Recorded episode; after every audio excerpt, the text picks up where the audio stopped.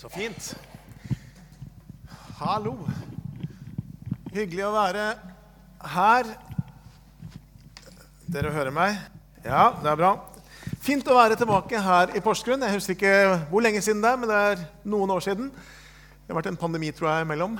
Eh, som sagt, jeg er pastor i Randesund misjonskirke. Jeg har vært der pastor der i ti år. Litt mer enn ti år, så tida flyr veldig fort. Jeg er gift med Jannike, og så har vi tre barn. Alle de er eh, voksne. De er ute av huset, bortsett fra i ferier da vi driver sånn all inclusive hotell hjemme.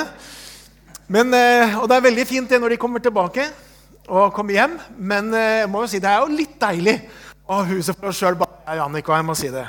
Det er lov å si det, er det ikke det? Det er Og en sånn Det er kanskje en par måneder siden, men da hadde vi en lørdagskveld hjemme, bare jeg og Jannicke. Vi skulle lage pizza.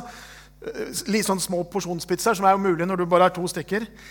Og så Med skinke, annet. Og så oppdaga vi at vi mangla et par ingredienser. Annet ananas. Og jeg vet at Det er noe som den nye generasjonen ikke skjønner, men på skinkepizza så er jo ananas en uovertruffen ingrediens. I hvert fall for oss som husker 80-tallet. Um, og så stikker jeg på butikken og så tar jeg en kurv. Litt sånn full fart, for pizzaen den materialiserte seg på benken mens jeg var der.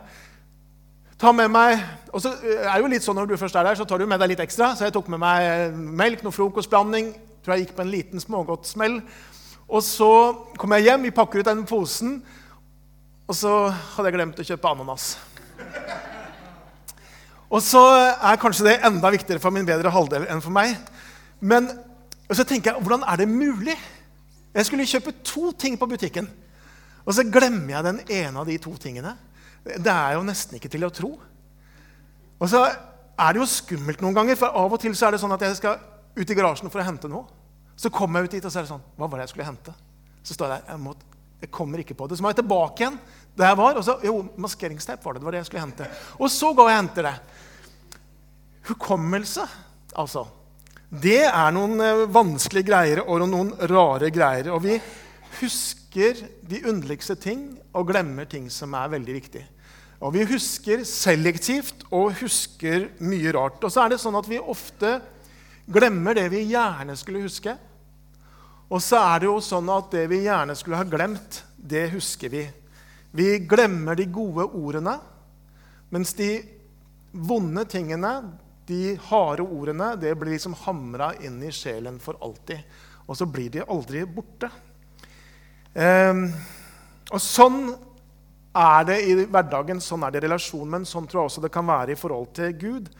Noen ganger så kan det være lettere å huske de ubesvarte bønnene og gudsfraværet enn det er å huske de gangene hvor Gud faktisk svarte på bønn, eller hvor vi fikk erfare Guds frelsende godhet. Og det er det jeg skal snakke om i dag. Vi skal gå til en tekst i Josvas bok. Det er kanskje ikke den teksten du har lest oftest, men for meg har det gjennom en god del tid vært en veldig sånn viktig tekst som jeg har vendt tilbake til mange ganger. Det handler om Guds utvalgte folk eh, som hadde, sånn som vi, en tendens til å glemme. Glemme Guds utfrielse, glemme Guds hjelp. Og Vi skal gå til kapittel 4 i Josvas bok. Eh, kapittel 4, og Vi skal være der, så har du Bibelen med. Må gjerne slå opp i kapittel 4 i Josvas bok. Vi er ved elven Jordan i Israel. Det er ca. 1400 år før Kristus. Vi er i sen bronsealder. Og Israel de har kryssa på kryss og tvers i sine i, 40, i ørkenen i 40 år før de her på en måte har akkurat gått over elven Jordan. Eh, ved et Guds under så kunne de gå over. Denne elven den var på dette tiden av året står det i kapittel 3, flomstor. Altså det var umulig å krysse eller det å prøve å krysse ville være den sikre død. Men ved et Guds under så stanser altså vannet i elven, og folket kunne gå tørrskodd over. Det var et frelsende under. Gud hadde gjort storverk blant dem. Det var en historisk hendelse som viste både Guds makt og Guds omsorg for sitt folk. Og for at folket ikke skulle glemme dette, for det er lett å glemme, så ber Gud, Josva og Israel gjøre noe helt spesielt. og Det er det vi skal gå inn i. Men poenget er dette, at de ikke skulle glemme Guds godhet, som også er da tittelen for denne talen her. Glem ikke Guds godhet. Glem ikke Guds godhet. Vi skal lese fra Josva kapittel 4, og så skal vi lese de åtte første versene. Og så skal vi lese de fem siste versene, altså fra vers 1 til 8 og vers 19 til 24. Vi kunne lest hele kapittelet, men dette er det da mest vesentlige vi skal ta med oss. Vi leser i Jesu navn. Da hele folket var kommet vel over Jordan, sa Herren til Josva.: Velg dere ut tolv menn av folket, én fra hver stamme, og befal dem, ta opp tolv steiner fra det stedet i Jordan hvor prestene står. Bær dem med dere over og legg dem ned der hvor, leiren, hvor dere slår leir i natt. Da kalte Josa til seg de tolv mennene han hadde utpekt blant israelittene, én fra hver stamme, og sa til dem.: Gå midt ut i Jordan foran paktkisten til Herren deres Gud. Ta så opp en stein hver og legg dem på skulderen, like mange steiner som det er stammer i Israel. Dette skal være et tegn mellom dere. Når barna deres i morgen spør hva betyr disse steinene, skal dere svare vannet i Jordan ble borte foran Herrens paktkiste da den kom ut i elven. Ble vannet i Jordan borte, og disse steinene skal israelitten ha som et minne om det for all framtid. Israelittene gjorde som Josef hadde befalt dem. Midt ute i Jordan tok de tolv steiner, like mange som Israels stammer, slik som Herren hadde sagt til Josva.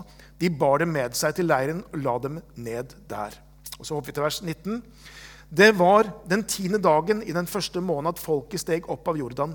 De slo leir i Gilgal ved Jerikos østgrense. De tolv steinene som de hadde tatt med seg fra Jordan, reiste Josva i Gilgal, og han sa til israelittene.: når barna deres i morgen spør fedrene hva betyr disse steinene, skal dere forklare det for barna og si:" Her gikk israelittene over Jordan på tørt land. Herren deres Gud tørket ut vann i Jordan for dere til dere hadde gått over, slik Herren deres Gud hadde gjort med Sivsjøen, som han tørket ut for oss til vi hadde gått over. Dette gjorde han for at alle jordens folk skal skjønne at Herrens hånd er sterk, for at dere alle dager skal frykte Herren deres Gud. Så har vi allerede bedt, men jeg tror vi skal be om at Herren kan åpenbare ordet for oss. Ja, himmelske Far, jeg har bare lyst til å takke deg for ditt ord. Takk for det enorme privilegiet det er at vi kan få lov til å dele det. Hver eneste gang vi samles, kan vi dele ditt ord. Og så ber jeg, Herre, at du skal tale til oss, at du skal åpenbare ordet ditt for oss. I ditt navn. Amen. Og Som dere hører, så handler denne teksten om tolv steiner. Tolv steiner som er henta opp fra bunnen av Jordanelva. Tolv helt vanlige steiner, akkurat som alle andre steiner som var der. Og likevel er det tolv steiner som har en helt spesiell mening eller betydning. Jeg har lyst til å nevne tre sånne betydninger av disse steinene. Det første er dette. Det er tolv steiner som er et tegn på det som har skjedd. Tolv steiner som tegn på det som har skjedd. Og Jordan-elven var som jeg sa, den var flomstor på denne tiden av året. Og eh, på denne tiden, før man hadde leda masse av Jordan-elven vekk, eh, sånn at så var den en stor, det var, det var, en kraftig eh, elv som flommet over sine grenser. Så det var på en måte livsfarlig å forsøke å krysse den. Men når prestene på Herrens befaling, bærende på paktkisten, tar steget ut i elven Det flommer som bare det, men idet de tar steget ut, altså så stanser, står det, elven. og det, Vannet blir stående som en vold over dem, sånn at folket kan gå tørrskodd gjennom eh, elven. Og Israel har gjennom dette erfart en av, virkelig et av de største underne i sin historie. Det er virkelig noe av det store som Gud gjør. Det er dette at han fører tørrskudd over Jordan. De har kryssa elven, men så er de ikke helt ferdig. Vi kunne jo tenkt at måte, de skulle rett inn i landet. Nei, de er ikke helt ferdig. Jeg får bare repetere det vi leste i vers 4. Da kalte Josfa til seg de tolv mennene han hadde utpekt blant israelittene, én fra hver stamme, og sa til dem.: Gå midt ut i Jordan foran paktkisten til Herren deres Gud. Ta så opp en stein hver og legg den på skulderen, like mange steiner som det er stammer i Israel. Dette skal være et tegn mellom dere. Hele israelsfolket er over. Og når de har kommet velberga over, så stanser Gud de og sier, stopp en hal. Ikke så fort inn i landet. Og så ber han de om å gå tilbake og hente disse steinene. Det er som om han ber de om å stanse opp, sånn at de virkelig kan la det synke inn, det underet som Gud har gjort. At de virkelig kan få tak i det. At det liksom ikke bare var noe de gikk forbi, men at de virkelig kan få tak i det underet som har skjedd. Og Så sendes altså disse tolv mannene ut for å hente tolv steiner som skal tjene som et tegn. Som skal være noe som gir verdi, som gir vekt til det som har skjedd, sånn at ikke det bare blir borte. Og Jeg tror at dette er et budskap til oss som Guds menighet. For jeg tror også vi har så lett for å overse Guds under i våre liv. Guds velsignelser i våre liv. Og jeg tror egentlig Noen ganger stiller vi spørsmålet hvorfor gjør ikke Gud mer? Jeg tror faktisk Gud gjør mer enn det vi klarer å stanse opp og registrere og se. Jeg tror Gud er mye mer både til stede i våre liv, i våre menigheter, i vår verden, enn det vi faktisk får med oss. Så denne oppmuntringen til å stanse opp og se. For når vi har bedt om at noen skal bli friske, og så blir de friske, ja, så kan det jo være leger og det kan være litt tilfeldigheter. Men det kan jo faktisk være at Gud svarte bønn nå. Kan det ikke det? Når en økonomisk vanskelig situasjon løser seg, ja, det kan være timing og flaks, men jammen kan det være også Guds inngripen. Og det i egne liv. Stanse opp og tenke, vet du hva? Det var et Guds under jeg akkurat bevitnet. Og så går det an å ta med seg noe. Det går an å hente noe fra den erfaringen som et tegn. Kanskje skrive ned noen av de bønnesvarene et eller annet sted, sånn at vi har det, sånn at vi kan bli minna på det. Et takkeemne for det som løste deg, for det som ordnet seg. For gjennom det så bygger vi en troshistorie og en trosreise. Så syns jeg det er noen ting i denne beretningen som, som er veldig fascinerende. Bl.a. det at, at steinene skulle hentes midt ute i elven. Der elven vanligvis var på sitt strieste og på sitt dypeste. På det stedet som representerte den sikre død. Nettopp fra det stedet så skal de hente disse steinene. Og steinene representerer jo egentlig det. Det er jo egentlig på en måte død de representerer. Men mellom Israel som går over, og de brusende vannmassene, så er det noe som står. Der står, sier dette kapitlet, prestene og paktkisten. De står mellom dødskreftene som presser på ovenfor, og folket som går eller nedenfor. Og så tenker jeg, minner ikke det om noe annet? Minner ikke det om Kristus? Han som er på en måte den øverste presten, som er den eneste mellommann mellom Gud og menneske, og som står der mellom dødskreftene og oss. Jeg tenker Denne teksten vitner, peker fram til Jesus, som holder dødskreftene tilbake. Og så Legg merke til en ting til. At det er ikke tilfeldig antall steiner som skal hentes opp. Det er ikke ta med dere noen steiner, men det er tolv steiner. Og De skal hentes opp av tolv israelitter, én fra hver stamme. og I de, fire, i de åtte første versene så, så hører vi dette tallet tolv hele fire ganger. Og For steinene er nemlig et tegn også på Israel som en forent nasjon. Dette underet ikke bare er noe som er individuelt, men det binder hele nasjonen sammen. Det er på en måte et sånn grunnleggende mirakel i denne nasjonens historie. Alle gikk de gjennom Jordan tørrsko denne dagen her. Og så tenker jeg, Som kristne så er det også noe som binder oss sammen. Vi er borgere av Guds rike, del av et nytt fellesskap. Og så er vi bundet sammen av en historisk hendelse. Er vi ikke det? Jesu døde oppstandelse. Og så har vi et tegn, korset på veggen bak meg her, som vi har ofte på våre bibler, som mange har som et smykke. Korset er jo dette tegnet som binder oss sammen, og som vitner om at det var en som sto der mellom oss og dødskreftene. Og så kan vi bære et sånt kors som et smykke. Men vi kan også bære et kors som et tegn, og så blir det en stadig påminning for oss om hva Jesus har gjort. Sånn som disse tolv steinene var for Israel. Det var et tegn. Det var det første jeg hadde lyst til å, minne dere på. Det andre det er dette at disse tolv steinene som Israel tok med seg fra bunnen av Jordan og lagde et minnesmerke av, var at det skulle være et minne, en daglig påminning om hva Gud hadde gjort. I vers 7 så leste vi disse steinene skal israelittene ha som et minne om det for all framtid. Så neste jeg har lyst til å si, er dette tolv steiner som minner oss om det som Gud har gjort. Hvis du har lest litt i, i Det gamle testamentet, eh, så vil du se det at Israel gjennom hele sin historisk hadde en slags kronisk eh, problem med å huske. Eh, de, hus, de, glemte konstant, kronisk, Guds godhet mot dem. For Gud han hørte deres bønner når de le i Egypt, og så fridde han de ut sendte plager over farao, over Egypt. Gud åpner en vei gjennom Sivsjøen, så de kunne gå tørrskodd eh, der. De fikk Guds bud på steintavler. Gud ga dem manna i ørkenen, vaktler etter hvert som de ble lei av manna. De fikk vann fra klippen. De vant mirakuløst over angripende folkeslag som var sterkere enn de. Altså, når du leser om Israels vandring i ørkenen, så er det under på under på under på under. Ikke sant? Og Da skulle man jo tro at dette liksom reisefølget da, at det var fullt av sånn takknemlighet og, og, og, og, glede, og at det var liksom sånn spontant så liksom kom lovsangen og takken. Ikke sant? Men det er ikke sånn.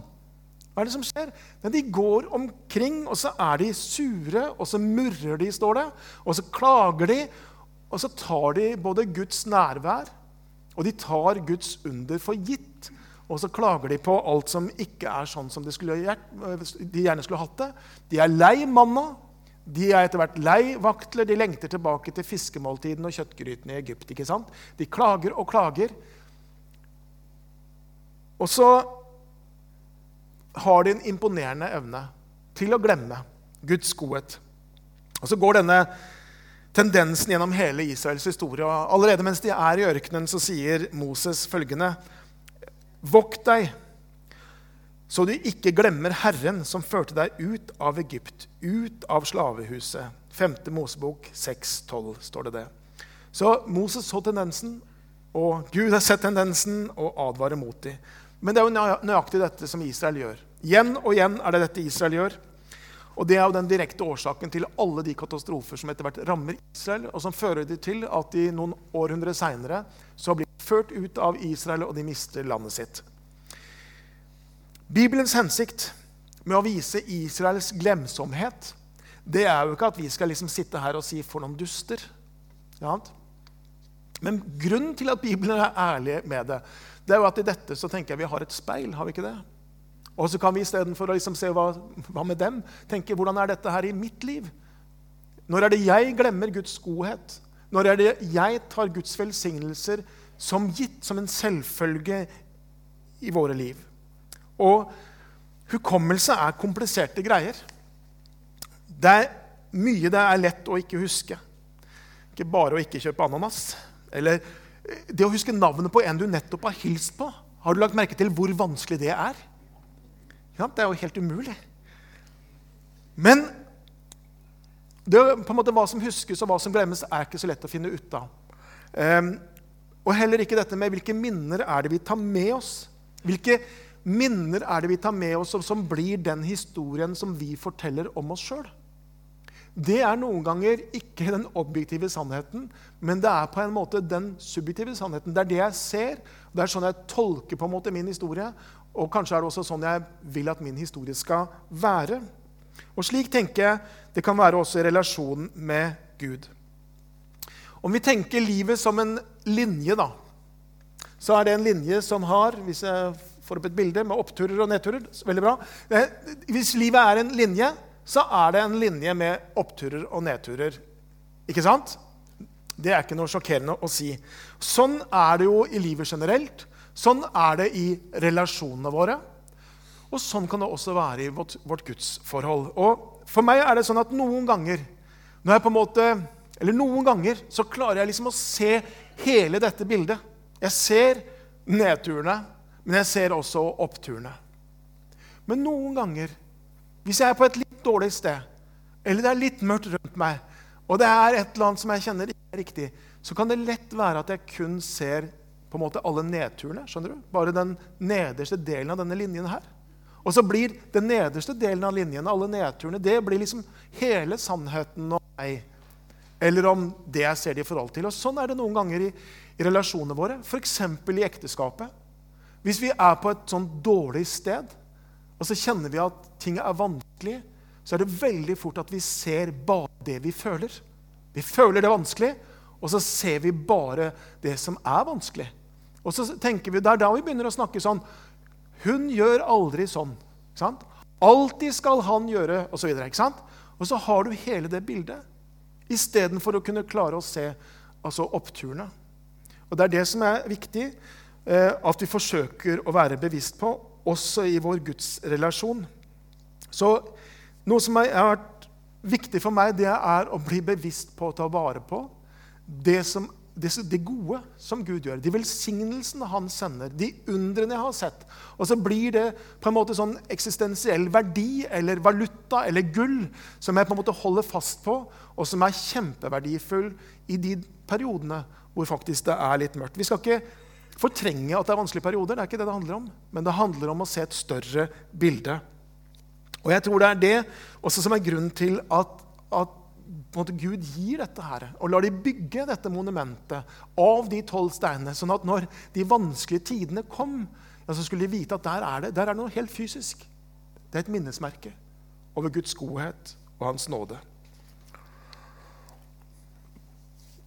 Og Det minnesmerket som Josfa og israelittene skulle bygge, det var jo av den helt enkle sorten. Det var ikke et Tai Mahal, det var ikke et triumfbuen, det var ikke et Washington-monument. Det var tolv helt vanlige elvesteiner. De var såpass store at en mann kunne bære dem på skulderen. skjønte vi. Og De tar disse steinene med seg til Gilgal, som var base camp for Israel. Så bygger de et monument som et daglig minne om det som Gud har gjort. For de andre som så disse steinene, så så det kanskje litt sånn ja, ja, det, det, var en slags tolv steiner. Åssen skal du lage et minnesmerke? Det blir en haug på et eller annet vis, eller en sirkel. Eller, ikke sant? Det ser litt sånn tilfeldig ut.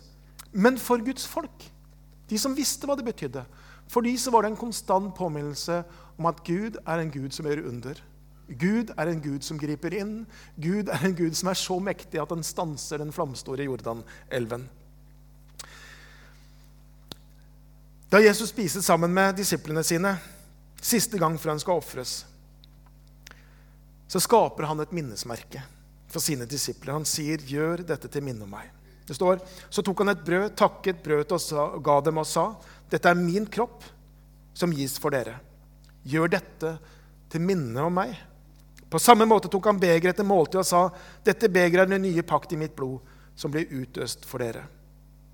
Nattverden er et minnemåltid hvor vi la Jesu død på korset og hans blod som ble uthøst, hans kropp som ble brutt, på en måte på ny skyld inn i våre liv. Vi tenker over det på nytt. Vi husker hans lidelser, og vi fylles av takknemlighet fordi at han gav sitt liv for meg. Og så minnes vi også hvor lite vi har å komme med. For det er med to tomme hender vi kommer og tar imot nattverden hver eneste gang. Det er ingenting annet der enn tomme hender. Og så vet vi at vår skyld den er slettet ut, og vår synd den er tilgitt. Brød og vin. Bare tenk på hvor hverdagslige på måte, elementer det er. Det er som steinene fra Jordan. Det er noe helt hverdagslig. Og likevel så blir det et minne, og det blir et minnemåltid for oss. Og det å minne det Jesus har gjort, det er noe mye mer enn å huske det på en annen måte, eller huske historien om det. Men når vi minnes dette, så er det på en måte som vi skjønner det på nytt. Det går opp for oss på nytt. Det skjer noe nytt inni oss. Gjør dette til minne om meg, sier Jesus. Det var det andre, om å gjøre disse eller tolv steiner som minner oss om Guds godhet. Og Det siste jeg har lyst til å si, det er tolv steiner som forteller historien om Guds frelse. Tolv steiner som forteller historien om Guds frelse. Så står det i vers 21. Og han sa til israelittene, når barna deres i morgen spør sine fedre, hva betyr disse steinene, skal dere forklare det for barna og si, her gikk israelittene over Jordan på tørt land. Herren deres Gud tørket ut vannet i Jordan For dere til dere hadde gått over slik Herren deres Gud hadde gjort med Sivsjøen, som han tørket ut for oss til vi hadde gått over. Dette gjorde han for alle jordens folk skal skjønne at Herrens hånd er sterk, og for at dere alle dager skal frykte Herren deres Gud. Israel fikk en beskjed, ikke bare om å bevare minnet, men det var også dette at de hadde en historie å fortelle. Og Steinmonumentet det var egentlig ment å være en samtalestarter. Når noen da sier 'Hva betyr disse steinene?' Ja, så kunne du fortelle historien om Guds inngripen. Og så tenker jeg Vi har alle som har tatt imot Jesus, så har vi en historie å fortelle. Vi har en troshistorie, en historie om vår vandring med Gud. Og den første og viktigste personen du kan fortelle den historien til, det er deg sjøl. Den første og viktigste personen du kan fortelle den historien til, det er deg sjøl. Denne historien og det du forteller, det former nemlig din nåtid. Og det bygger din identitet. Derfor er det ekstremt viktig at vi faktisk forteller den historien til oss sjøl igjen og igjen. Den historien om vår vandring med Gud. Hva var det som fikk oss til å ta imot Jesus en gang? Eller hva var det som har fått oss til å bli hos Jesus? Den historien trenger vi å sette ord på. Og det er mange som syns at dette er vanskelig. Mange som opplever at man kanskje har vært kristen i lang tid, og så eh, er kanskje ikke det like sterkt som det var en gang da man var nyfrelst eller ung, eller da man opplevde noe spesielt. Det var en sånn periode hvor ting var veldig sterkt. Og så er vi i ulike faser. Når vi blir eldre, så blir også følelseslivet annerledes. Sånn er det. I tillegg til at vi glemmer mer. Men, eh, men, men også er vi i ulike livsfaser. Det har noe å si. Men jeg tror noe av det handler også om dette som vi snakker om i dag.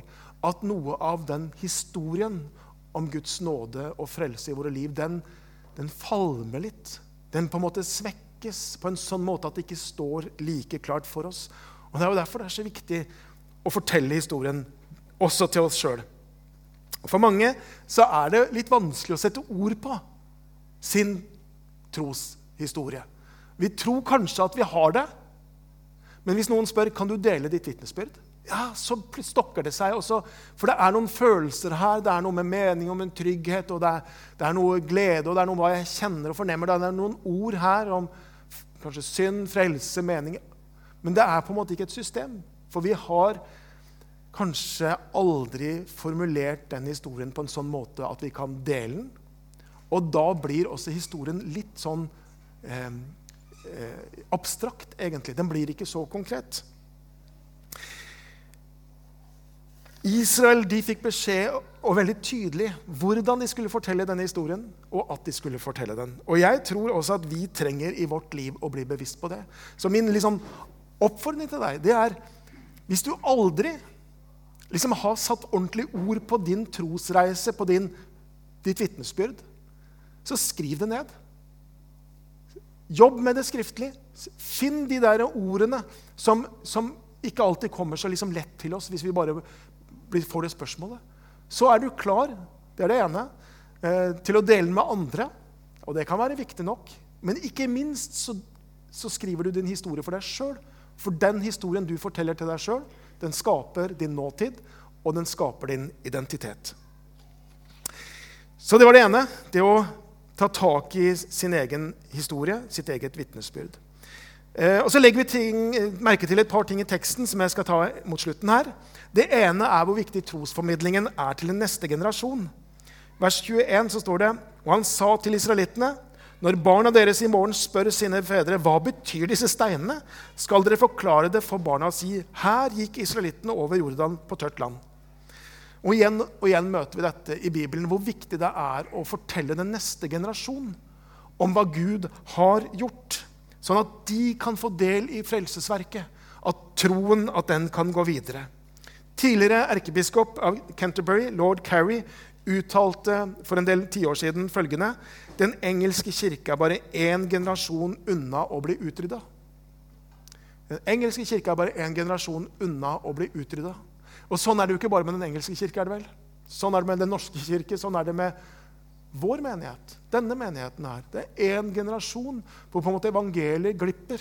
og så er det ikke lenger en kirke. Vi må fortelle evangeliet til den neste generasjon, til barn og til unge, sånn at Guds nåde, Guds godhet, Guds omsorg kan bli en del av deres historie også. Og Flere av oss som sitter her, vi er foreldre. Og så er jo mitt spørsmål har du delt din troshistorie, ditt personlige vitnesbyrd, med dine barn? Vet dine barn om hvordan du ble en kristen, eller eventuelt hvorfor du er en kristen? Noen ganger som pastor så sitter en i sørgesamtaler. Og de er veldig forskjellige. Og noen ganger har det vært ganger hvor et eldre medlem i menigheten har gått bort. Og så sitter jeg sammen med barn som, som da er etterlatte her. Og så stiller jeg spørsmål Kan dere si noe om vedkommendes tro. Kan dere si noe om hvordan han ble en kristen, eller hva Jesus betydde? Og så er det noen ganger at du ser at de bare på en måte ser på hverandre og sier nei, han snakka aldri om det. Vi vet egentlig ikke noe om hvordan han ble en kristen. Og så tenker jeg Det er på en måte en tapt historie. Og så er det andre ganger hvor du sitter sammen på samme måte, og så forteller de detaljert om hvordan pappa eller mamma ble frelst. Det Var på vekkelsen der i 43 i Blåkorslokalet i Arendal. som det var en vekkelse der. Og så kan de fortelle detaljert om hva troen betydde, om hvor mange, hvordan de leste Bibelen hver dag. eller på en måte så, så skjønner du det er en historie som ikke bare hadde betydning for den generasjonen, men også for den som kommer etterpå. Og så er det en tro som blir båret videre. Det er en historie som får liv. Steinene som Israel samlet og lagde dette minnesmerket av, det var et minnesmerke står det, for Israel, for den neste generasjon, men ikke bare for det. Det var faktisk et minnesmerke for all jordens folk, står det. Det står det i kapittel 4 og vers 24. Dette gjorde han for at all jordens folk skal skjønne at Herrens hånd er sterk, og for at dere alle dager skal frykte Herren deres Gud. Gud har et hjerte for all jorden. Selv her ser vi det. Akkurat ført eh, Israel inn i Jordan, og likevel så er Guds hjerte for hele verden. Verden, hvert eneste menneske, trenger å høre om Gud trenger å høre om Guds godhet, Guds kjærlighet og evangeliet, som vi har fått høre og erfare. Ja, det trenger også folk rundt oss å høre. I 1983 så mottok den russiske forfatteren Aleksandr Solnitsyn den prestisjefylte Templeton-prisen. Og hans tale da i London 10. mai samme år så forklarer han hva som muliggjorde alle de grusomheter som det sovjetiske kommunistiske styresettet hadde gjort seg skyldig i. Og så sier han i denne talen følgende Mennesket har glemt Gud. Det er hva som har skjedd. Ondskapen i Sovjetunionen handler om dette. Mennesket har glemt Gud. Det er hva som har skjedd. Og så er det en som heter Rod Dreher, som er eh, en som har skrevet boken 'The Rise and Triumph of the Modern Self'. Og Han sier dette i forordet han bruker da denne sitatet og sier dette svaret er også den mest sannsynlige forklaringen på de kriser som vi ser her i Vesten i dag, inkludert at mange faller fra troen, familier som går i oppløsning, mangel på felles verdier, polarisering, hat mellom grupper og en opplevelse av fragmentering og oppsplitting av samfunnet. Og så sier han fordi mennesket har glemt Gud, har de også glemt mennesket. Det er hva som har skjedd. Og jeg tror det er veldig presist. Jeg tror mye, eller Det vi ser av så mye vondt, så mye vanskelig i denne verden, her, så mye ufred, det handler om dette. Mennesket har glemt Gud. Og det gjør også at man glemmer mennesket. Det er faktisk sånn at menneskeverd Skal vi se det i større grad, ja, så handler også det om at vi må se mer av gudsfrykt iblant oss. Det henger sammen. Vi lever i en verden hvor mennesker har glemt Gud, hvor mennesker glemmer Gud. Det ser vi fruktene av, og vi kommer til å se mer av de fruktene i tiden framover. Derfor tror jeg noe av, det kristne, nei, noe av det viktigste vi kristne kan være i dette landet, noe av det beste vi kan gjøre for denne nasjonen, det er å være et folk som ikke glemmer. Et folk som blir et tidsvitne. Ikke om at alt var mye bedre før, men om at Gud er en Gud som frelser, som gjør under, og som er mektig. At vi deler vår historie med andre, sånn som det står, at folk skal skjønne at Herrens hånd er sterk. Det var det det sto i slutten av kapittel 4. Det er hva denne verden trenger. Hvert eneste menneske. I dag så har vi snakket om en eh, tekst som jeg tror eh, sikkert veldig mange bare har hoppa over. Den er litt rar. Tolv steiner fra bunnen av Jordan. Jeg snakket om steiner som et tegn om det som Gud har gjort. Om et minnesmerke om Guds enorme godhet. Om steiner som forteller historien om Guds frelse. Tolv steiner, slik at vi aldri, aldri skulle glemme hva Gud har gjort for Israel, men også hva Gud har gjort i våre liv. Og Oppfordringen i teksten tenker jeg den er ganske tydelig. Det er kanskje å stanse opp og se litt bedre etter. Er det noe Gud har gjort i mitt liv? Er det noe jeg trenger å på en måte ta vare på som et tegn? Er det noe jeg trenger å skrive ned i min bok som et takkeemne eller som et bønnesvar? Det der med å bli bevisst på den historien hva Gud har gjort, sånn at jeg kan dele det med andre. Hvis noen spør, sånn som Israels barn da spør hva er med disse steinene her? Hvis noen spør hvorfor har du et kors rundt halsen, eller hvorfor har du en sånn merke på bilen, eller hvorfor går du med en bibel?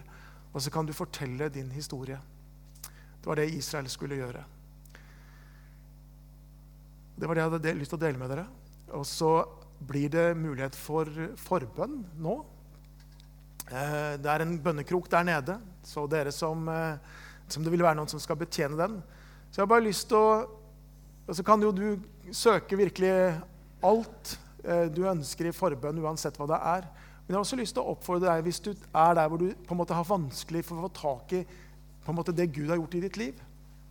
Vanskelig for på en måte å stanse opp ved det så kan du søke forbønn for det. At Gud skal vise deg, åpenbare sin nåde imot deg. Åpenbare hva han har gjort i ditt liv, i din familie, i din slekt. Vi skal be.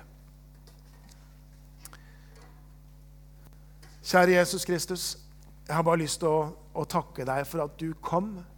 Og så er du denne som står mellom dødskreftene og oss, Herre. Du er prestene som står der. Du er arken som står der, Herre, med soningslokket på. Og så ga du ditt liv, Herre. Og så er det et sånt grensesprengende under et mirakel, Herre, eh, som du har gjort i våre liv. Og så ber jeg, Herre, om at det, at det må virkelig være noe som vi aldri glemmer. Aldri glemmer betydningen av. Aldri glemmer å se lite på korset. At det aldri blir bare et stykke eller et symbol, men at det virkelig kan bli et tegn, Herre, på din kjærlighet til oss. Takker deg for at du har gitt oss minnemåltid, du har gitt oss nattvern, Herre, som vi kan stanse opp ved å på ny få lov til å erfare oppleve det som du har gjort i våre liv. Og så har jeg lyst til å be Herre nå for alle som er her, Jesus. Og du, du ser hvordan det her lander på ulik måte. Eller du ser hva vi blir minnet om. Kanskje blir vi minnet om noe av din godhet, Herre. Så jeg har bare lyst til å be her at du skal betjene oss der vi er, Jesus. Må du hjelpe oss å finne ord til vår historie, vår trosreise. Må du hjelpe oss å se din godhet i våre liv, Herre. Jeg ber om det i ditt navn jeg ber. Amen.